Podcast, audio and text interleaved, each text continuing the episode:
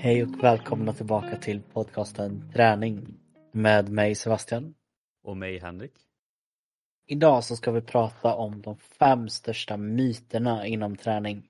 Och det här är några av de frågor som vi ska besvara idag. Gör styrketräningen dig mindre flexibel? Eh, bör du bara konditionsträna om du vill gå ner i vikt? Och gör styrketräning kvinnor mer maskulina? som sagt lite myter, någonting som vi har diskuterat tidigare. Eh, någonting som är lite svårt att navigera sig inom tycker jag Henrik. För vissa av de här myterna lever ju faktiskt vissa av dem som är profiler i den träning efter och säger är sanning. Jo, men det, det är väl det klassiska. Många som eh, vill sälja program eller produkter måste ju ha något belägg liksom för att kunna sälja så bra som möjligt. Och då tar de fram någonting som låter farligt eller hemskt så att man gör kunderna rädda så att de måste köpa den här produkten liksom. Och ofta så är det ju väldigt fel. Jag har fått ja. upp väldigt mycket reklam nu det senaste också om olika sådana här amerikanska PT som säljer olika program och så sitter man och lyssnar och det är sjukt hur, hur fel de har i mycket. Ja men väldigt mycket, speciellt kring sommaren liksom gör det här, får det här ta bort det här, får det resultatet, ät det här pillret, det här sker. Det, det låter ju så fantastiskt liksom. Men så enkelt är det inte alltid. Nej. Men jag tänker så här, vi kanske börjar med en gång och betar av den första här som lyder Styrketräning gör dig mindre flexibel. Vad säger vi om den Henrik? Jag tror att den myten har uppstått liksom genom att många tänker att när man kör styrketräning då bygger man på sig väldigt mycket muskler och blir man ju större och kraftigare och ju, liksom, ju större man är desto mindre rörlig blir man ju liksom. Men man tänker ofta på hur ser en rörlig eller flexibel person ut? Då kanske många tänker på typ en, en dansare eller gymnast eller någonting och de är ju ofta ganska slimmade. Men å andra sidan ser man också till dansare och gymnaster så är ju de sjukt starka mm. i sin kropp. Och sen också, många kan ju säkert tänka sig att när ni gör en knäböj eller en frivändning eller någonting, alltså det kräver bra med rörlighet för att kunna klara av att göra en sån övning på rätt sätt eller fullt ut. Så att det är väl det som inte många tänker så mycket på egentligen, att många styrkeövningar kräver ganska mycket rörlighet. Och att man därmed tränar väldigt mycket rörlighet när man kör styrkeövningar just för att man gör den rörelsen. Ja. Sen är det som allt annat, att vissa övningar eh, kräver mer rörlighet och vissa mindre liksom. Men jag tror inte det är så många som tänker liksom hur mycket rörlighet egentligen krävs för att hålla på med styrketräning.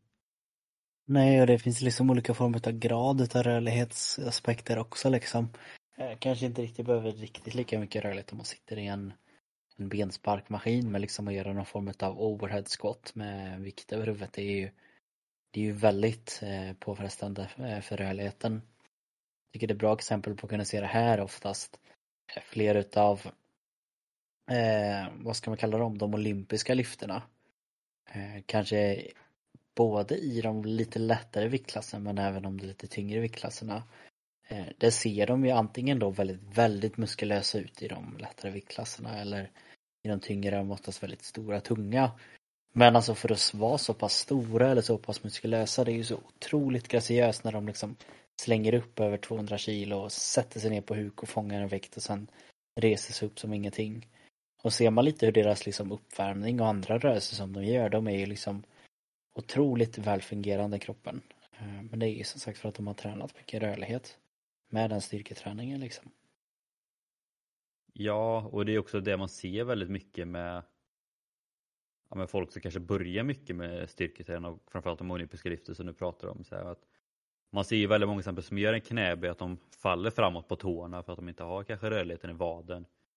Eh, samma sak många som gör frivändningar liksom, det märker man också om inte rörligheten finns till, att man antingen faller framåt eller faller bakåt för att något, inte, något saknas. Liksom. Det, Men det är det som blir när man tränar, att man, kan, man oljar ju upp eh, lederna och musklerna kan vi nästan säga på ett sätt. Så att, men sen gäller det klart att göra rätt, för jag menar alltså, gör styrketräning på fel sätt så du förstör kroppen istället, då, klart, då kommer du bli mindre rörlig. Men då är det ju för att du gör fel. Mm. Gör man rätt däremot så är det klart, då kommer du bli mer rörlig. Alltså, det är klassiska, man blir bra på det man tränar på. Och jag menar, att gör du då en övning som kräver mycket rörlighet så kommer du bli rörlig för att det krävs för att göra den övningen. Så, så simpelt är det. Mm. Bra svar på den tycker jag. Mm. Då har vi förstört första myten i alla fall. Mm. Hur lyder nummer två då Henrik?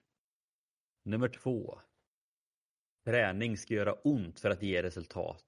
Och då är det klassiska citatet No pain, no gain. Vad, vad säger vi om den då?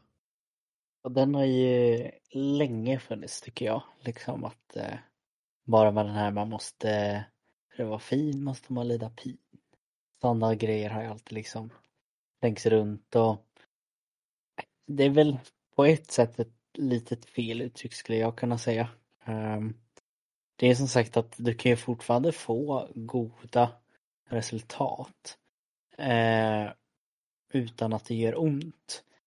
Men det som kanske gör det lite svårt just att kunna känna att men, är det någon sanning i detta? Det är ju som sagt att vad är ont eller vad är då kanske mer obehagligt? Det är kanske det eh, man skulle vilja använda i så fall lite mer. För det är ju lite obehagligt alltid när man går utanför någon form av typ bekvämlighetszon eller lite ovant kanske det. Eh, för det är ju oftast det som behövs för att faktiskt kunna få någon form av progression i någon form av träning. Att vill du bli bättre på att springa 10 kilometer men du bara springer en kilometer om och om igen för det är det som är bekvämt. Då kommer du inte bli bättre på att springa 10 för du, du gör aldrig det. Eh, det är kanske inte riktigt så lätt men man förstår konceptet. Men är det så att du successivt liksom kanske jobbar upp mot en kilometer, två kilometer då blir det ju mer stress på kroppen för den är inte van vilket kan vara lite obehagligt. Men det är ju ändå så att du närmar dig liksom steget att komma emot 10 kilometer där. Och lite så är det väl det som det här har kommit upp att man måste liksom gå utanför eh, boxen och pressa sig lite extra. Men däremot att det verkligen ska göra ont lite något mer som jag kanske skulle säga är smärta. Eh, till exempel att men det, ska hugga till i ryggen varje gång du gör en marklyft. Det är tanken liksom, annars blir det inte stark. Nej, det, det är inte bra. Det ska klicka till och spänna åt ordentligt på insida knän varje gång du gör ett knäböj. Ja, nej, det kanske inte heller är, är optimalt. Eh, så det är väl lite där som det liksom har blivit en väldigt fel syn på det. Eh, det är ihop med väldigt mycket skulle jag säga. Eh, vet det, machokultur att liksom. Det är klart att jag ska kriga mig igenom detta eh, men det behöver inte alltid vara så. Man kan få väldigt mycket fina resultat ändå liksom. Ja, och det är egentligen samma sak när det kommer till träningsverk för det är också någonting man brukar höra med att ja, men har du inte träningsverk, ja, men då har du inte tränat tillräckligt hårt. Men träningsverk är ju snarare en grej som är när du gör någonting som kroppen inte är så van vid. Mm. Men när du börjar göra en övning som kroppen börjar bli van vid så kan du göra ett jättebra träningspass utan att få träningsverk fast du fortfarande fått effekt av det. Liksom. Så det är det mm. som man kanske brukar höra just det här med no pain no gain. Liksom, att ja, men har du inte träningsverk, nej, då har du inte tränat tillräckligt hårt. Men det stämmer inte heller. Och tittar man också på väldigt många, men framförallt konditionsidrottare. Där ligger ju stora delar av deras träning i de här så kallade zon 2-passen eh, när det kommer till puls och kondition. Mm. Och det vet ju både du och jag liksom att det är ju inte hjärtesmärtsamt liksom. Det är ju nästan snarare en behaglig söndagstur mm. liksom. Mm. Men det är de passen som ger så sjukt bra effekt bara för att man får så mycket volym av det. Så att mycket är ju återigen det klassiska, ja, men vad man vill få ut av sin träning. Och för många pass är det klart, ja, men är det tyngre pass, så är det klart att det ska kännas. Och det, men det är ju som, som du sa Sebastian, att det är skillnad på ont och ont. Eller ont och smärta liksom. Det är en stor skillnad. För träning ska aldrig göra ont ont. Sen är det klart att det ibland är tungt och jobbigt så att det gör ont på det sättet. Men sen kan man väl också säga att det är no pain no gain. det tycker jag nästan är mest för det mentala kanske. Mm. Eh, för jag menar riktigt så här tunga träningspass, alltså det är ju inte ont. Men för psyket är det ju väldigt påfrestande och kanske gör ont liksom. Bara så här, men det där klassiska bara, en minut kvar och så jag bara, fan, kan jag ta en minut till eller bara fan, 500 meter kvar, fan, jag orkar det bara? Nej jag tror inte det bara, men det är 500 meter bara, fan, kom igen nu liksom. Det... Så det är ju, det är ju ont fast ändå inte fysiskt ont så sätt liksom. Så att det är väl lite svår myt för på ett sätt kommer vi väl fram till att ja men ja lite stämmer det väl liksom. Ja men no pain no gain på ett sätt men som sagt att verkligen skilja på att det ska vara tungt jobbigt och kanske göra lite ont kontra att det ska vara smärtsamt liksom.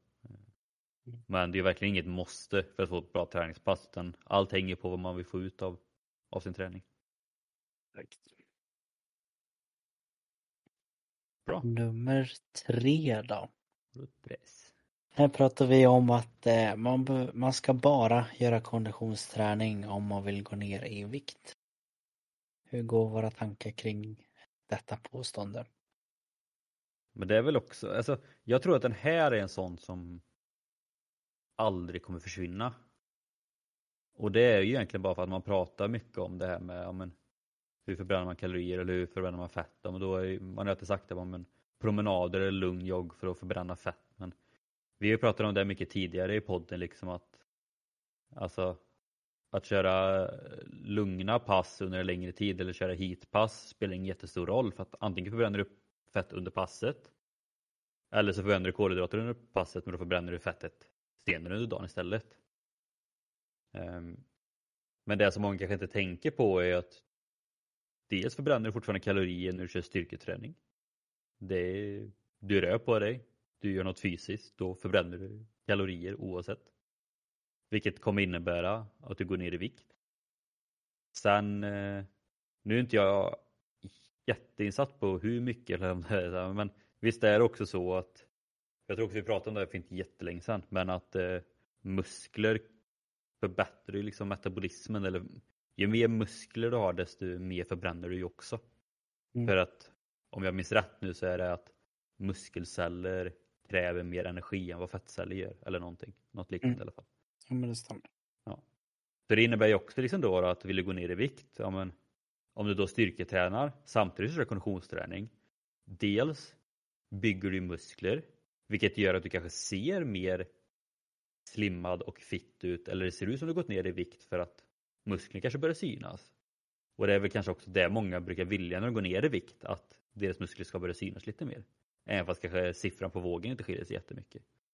Men sen blir det också då att om man, ju mer man ökar i muskler desto mer förbränning kommer kroppen automatiskt att göra av med. Liksom. Mm, exakt.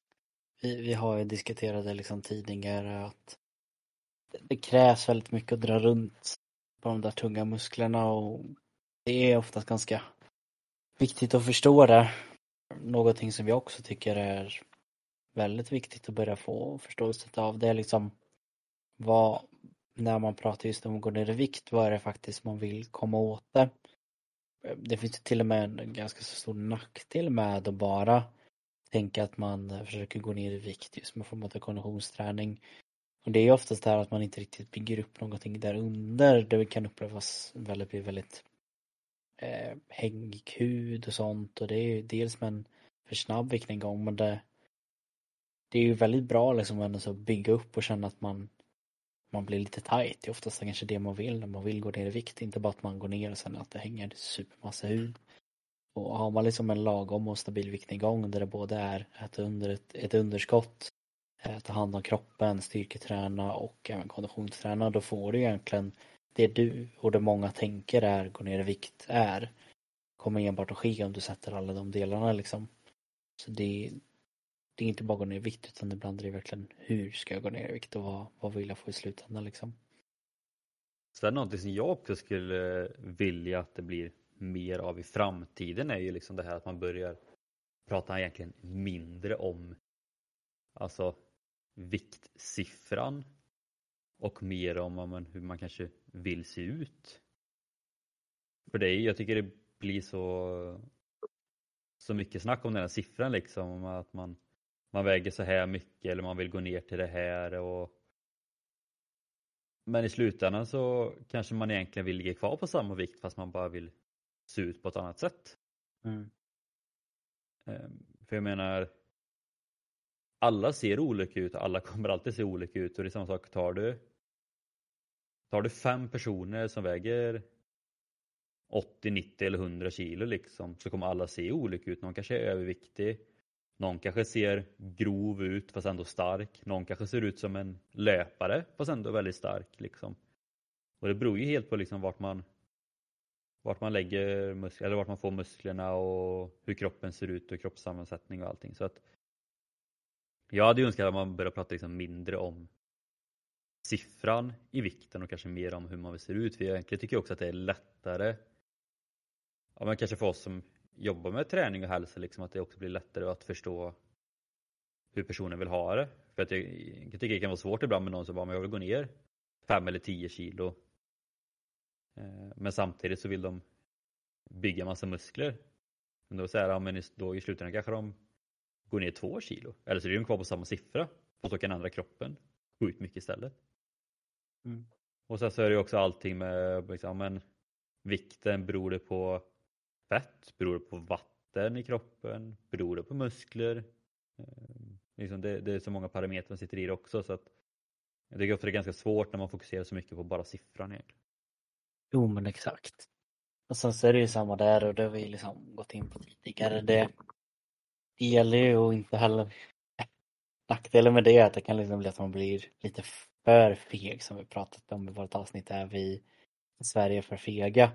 Snälla när det kommer till hälsa, avsnitt 95. Men mycket som har blivit populärt är att man, liksom, man pratar om funktion. Eh, mer liksom, vad kan jag göra med den här kroppen och eh, vad kan den prestera? Och det är ju väldigt viktigt. Eh, att man, man behöver inte riktigt se ut som på ett speciellt sätt för att känna sig nöjd med kroppen utan det kan vara jättehäftigt att känna att den orkar en hel dag eller lyfta tungt och så också. Sen är det ju liksom samma där, det, det ska inte gå extremt åt andra hållet. att Det är inte nyttigt oavsett vad att bli allt för tung liksom. Nej. Så är det ju oavsett om det är muskler eller eh, fett. Eh, en tung kropp tar på eh, leder eh, och speciellt som sagt mycket knän och annat. Och de vill man gärna ska hålla liksom livet ut så då då är det viktigt att bara mm, ibland kanske då lita ibland på siffran om det är det som hjälper en att gå ner och, eller hitta någon form av balans. Men eh, jag tror också mycket annat till att det kanske hänger lite på siffran är att vi fortfarande inte har något bra mätningsmedel som har blivit eh, normativt att mäta efter. Det är ju bara BMI som skulle kunna vara lite åt det hållet som du pratar om. Mm. Men BMI är ju fortfarande värdelöst på individnivå. Det är liksom usch, det är jättetråkigt för de som går ner i vikt och lägger på sig muskler och ser att de kanske går upp mer i BMI. Det är inte alls positivt. Så jag hoppas verkligen att det kan bli acceptabelt snart och enkelt på något sätt att mäta liksom den här kontrollen eller bara fokusera kanske på fettprocent på kroppen och jobba därifrån. Det, vi får se vart det landar om några år och hitta något bra mätmedel liksom. Ja, men det är också det som känns riskabelt på ett sätt just för att det finns ju så många vå så vanliga vågor nu för tiden till mm. exempel som bara, ja, men, ja, de mäter fettprocent och muskelmassa och allting men samtidigt kostar de 75 spänn. och så bara, ja men hur exakt är det då egentligen? Eh, så att jag håller med, det har varit bra om det kommit in något sånt som blir liksom mer och mer vanligt men då gäller det också att det är exakt så det inte också blir något sånt här som säger fel. För det är lite det som blir med BMI, liksom. det känns som att det skälper mer än vad det hjälper bara för att det ja, även om det blir rätt siffror så blir det ändå så sjukt fel. Eller man ska uttrycka. Jo, så att, så. Men sagt, något sånt borde ju komma i framtiden. Det känns inte som att det borde vara allt för krångligt egentligen. Nej, faktiskt inte. Det är väl kanske något för oss då att utveckla. Eller hur? Bra, ett lite längre svar på det här men mm. Vanlig, vanlig fråga just det här med vikt och ganska populärt också. Mm. Nästa då. Eh, ju mer du tränar, desto bättre. Och, ja, på ett sätt kan man säga att den hör ihop lite med tvåan där, No Pain No Gain, men det är väl också någonting man brukar höra att eh, ja, men man kommer ingenstans om man tränar två gånger i veckan liksom, eller bara att nej, men för att du ska nå, för att du ska se resultat, då måste du träna 6 till 12 pass i veckan liksom, annars får du ingenting. Samma sak, ska du bygga biceps så måste du träna biceps tre gånger i veckan liksom. Det... Men det stämmer inte heller riktigt att man alltid måste träna 40 timmar i veckan för att få resultat. Nej men verkligen.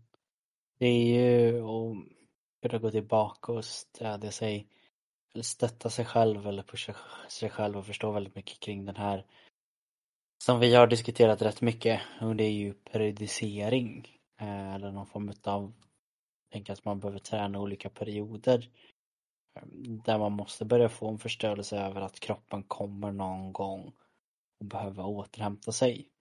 Och anledningen till att den behöver återhämta sig är för att det som sker när du styrketränar är ju helt enkelt att du bryter ner kroppen och gör den svagare. Eh, och det låter som sagt, det är fortfarande, även om jag liksom har läst mycket om det så tycker jag fortfarande det låter konstigt att lägga upp det på det sättet men det är ju faktiskt det som sker. sker. Man, man bryter ner kroppen när du tränar. Men däremot så är det ju vilan då som bygger upp den större och starkare. Och det är ju bara för att den vill inte bli nedbruten igen. Så då tänker kroppen, om man gör mig lite starkare, Eh, då slipper jag bli nedbruten eh, och då är kroppen hel och frisk. Men då tränar man igen och då bryts den ner igen och då måste kroppen göra sig starkare för att orka det igen. Eh, och det är så träning fungerar. Så skulle det vara så att du liksom tränar hela tiden, tränar om och om igen, då bryter du ju bara ner kroppen och bryter ner och bryter ner och bryter ner.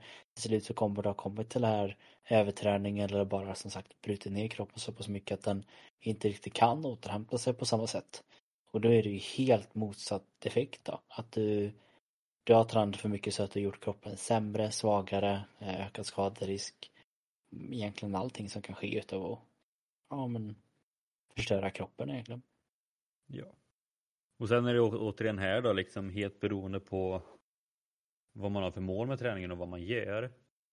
Eh, för jag menar om man jämför då kanske en, eh, en cyklist kontra kanske en 100 meters löpare. En cyklist har ju galet mycket mer träning när det kommer till träningstid liksom. Men det är bara för att de måste vara ute och cykla i ett par timmar för att få sin träning. Medan en 100 meters löpare har ju kortare träningspass men jävligt explosivt istället. Det är också det som blir just det här när man pratar om ju mer du tränar desto bättre. Om man, ja, men hur räknar man det då? Är det, ju högre intensitet du har det desto bättre eller ju högre volym du har desto bättre? Bara att, ja, men, det beror helt på vad man gör för att ja, men, en cyklist eller längdskidåkare, ja visst de kör många timmar men det är på så låg intensitet så det blir inte så belastande ändå. Medan en 100 meters löpare, han kanske kör, oavsett om han kör styrka eller sprinter då, då ja, det är maxintensitet. Men det är lång vila och kanske mer sällan. Vilket innebär att det är högre belastning men kortare tid emellan. Liksom. Så att, det är det som är så svårt också med ju mer du tränar desto bättre. För att det skiljer sig så jäkla mycket beroende på vem du är som person. Men i mm. slutändan så hänger ju alltihopa på exakt det som Sebastian sa, att du inte får bryta ner kroppen för mycket för då kommer du gå sönder. Och det är därför det då har så mycket med parametrar med volym, intensitet och puls och allt det där för att det ska bli så bra som möjligt. Så att Tränar du väldigt mycket, om du får ligga på en lägre intensitet. Tränar du mer sällan, om du får ligga på en högre intensitet. Det är ju som vi har pratat om alla de här heatpassen eller de här 15 minuters passen och allt sånt där. Liksom att, ja, men tränar man inte jätteofta så kan man få sjukt bra effekt av att köra sådana pass lite då och då också.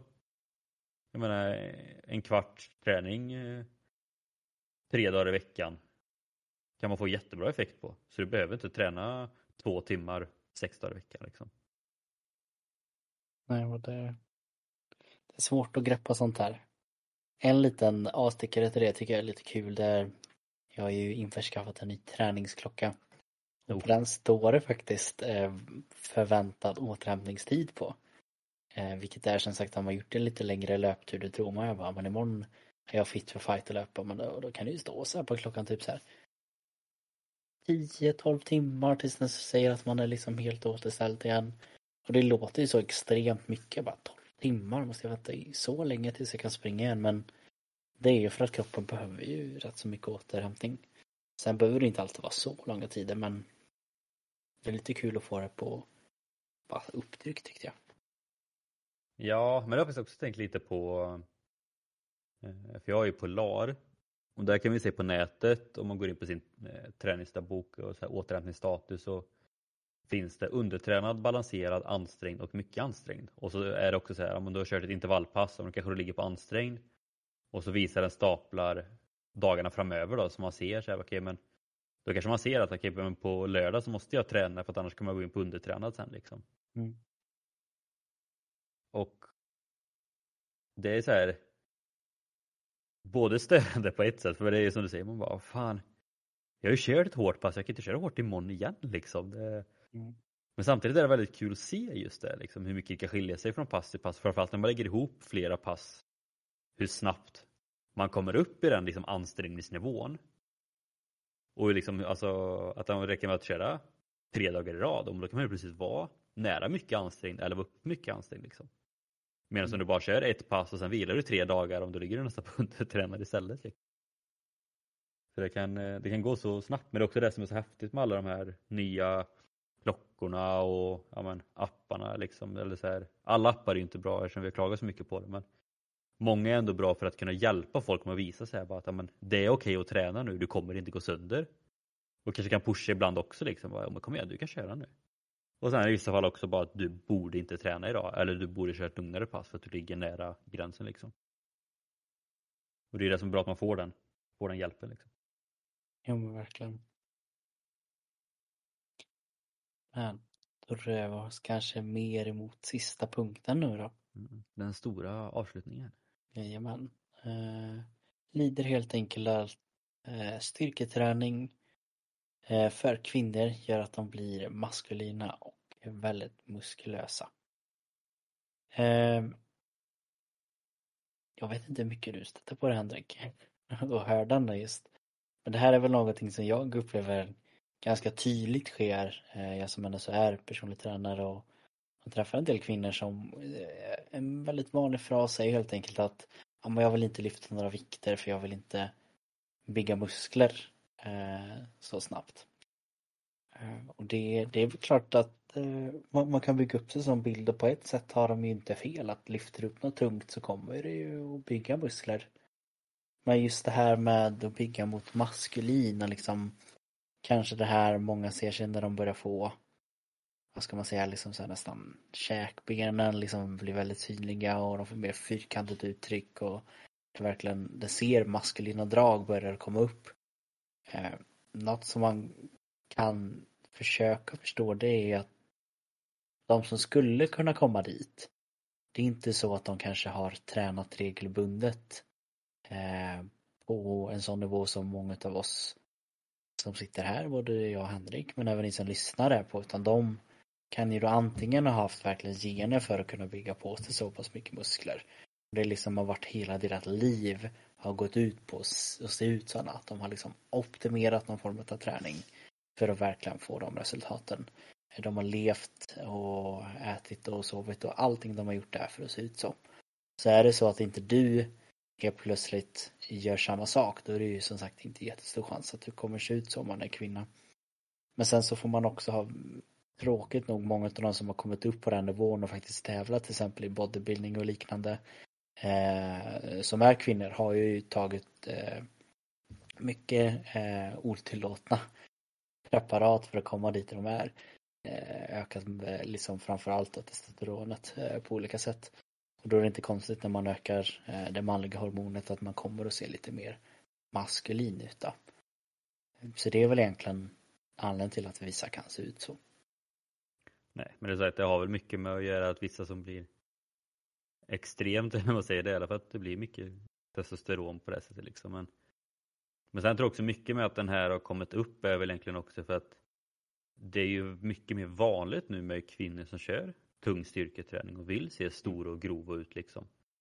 Ehm, Medan förr var det mer den bilden liksom att nej men, kvinnor ska vara mindre och slimma liksom. Men så är det ju inte nu utan många tycker att det är kul med styrketräning och vill se stora och grova ut. Och det är ju det som också blir på ett sätt lite tråkigt att det blir så mycket sådana kommentarer. Jag vet ju, du vet ju också, hon Malin Johansson eh, följer ju både du och jag. Mm. Eh, hon håller på med Kalle Netix eller vad det heter. Hur det heter. Men, eh, hon lägger ju upp att hon ofta brukar få höra sån, många sådana kommentarer. Liksom, att många säger till henne, oh, gud vad du ser maskulin ut, eller du ser ut som en kille. Liksom, eller tjejer ska inte ha så mycket muskler. Liksom. Men jag tycker ju snarare det är häftigt hur sjukt stark hon är. Alltså, och sen när man ser hennes träningspass och det hon, när hon tävlar och allt sånt där. Liksom. Och hon är ju snarare en, eh, en förebild inom den branschen liksom med att göra att men, det är okej okay som kvinna att se stor ut och det har inget med att se maskulin ut utan det är lika kvinnligt att se ut så nu för tiden. Ja men liksom det, det är också på ett sätt en väldigt generationsfråga skulle jag liksom säga. Ja, ja, oh ja. Eh, det är kanske inte liksom de här födda efter 00 som kommer och bara ah, jag är rädd att, och se ut på det här sättet. Eh, för de liksom har liksom blivit uppmätt med profiler och sånt där. Men vad är, vad är kvinnligt liksom? Det, det är klart att det är kvinnligt att ha en massiv rygg och eh, stora lår. Alltså så här, det, det, det är väldigt olika hur man ser det. Sen det är kanske mer den lite äldre generationen som generellt sett slänger ut lite det här men i grund och botten är det liksom bara att förstå att du, du kommer inte bli sån om det inte är det som är ditt mål. Det är inte så att du kommer att råka bli snabbare än Usain Bolt för att du börjar springa lite. Det, det hade varit väldigt lyxigt om man hade kunnat få sådana resultat. Och... Fan vad tråkigt om man bara skulle råka bli snabbast. Ja, med världens snabbaste person genom tiderna liksom så här, oj, nu, nu händer det här för jag börjar löpa. löpa. Men Sen, sen, så ska man inte förlöjliga heller för oftast är det mer någon form av okunskap liksom som gör att man eh, Eh, inte riktigt har den förståelsen. Så rädslan är liksom, tycker jag är så helt naturlig att man kan ha den och det är ingenting man ska vara rädd och fråga heller att ja men jag är lite rädd för att bli det. Ja men vad bra att du sa det, då ser vi till att inte det sker. Det är liksom samma som att man skulle hålla inne för man tycker att det är konstigt att ja, men jag vill inte få ont i, i det här knät nu när jag styrketränar för jag har Eh, korsband opererat mig för ett tag sedan.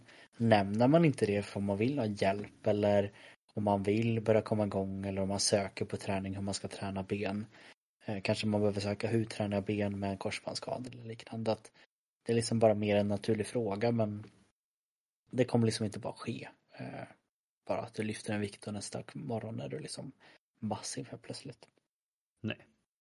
Nej, så man kan egentligen bara säga kort liksom att ja men de som ser väldigt maskulin ut, ja, men då är det troligtvis för att de har ökat testosteron. Eh, Eh, ja men så skulle jag säga, de, de som man tänker är maskulina, de har liksom tagit ja. otillåtna preparat. Punkt. Mm.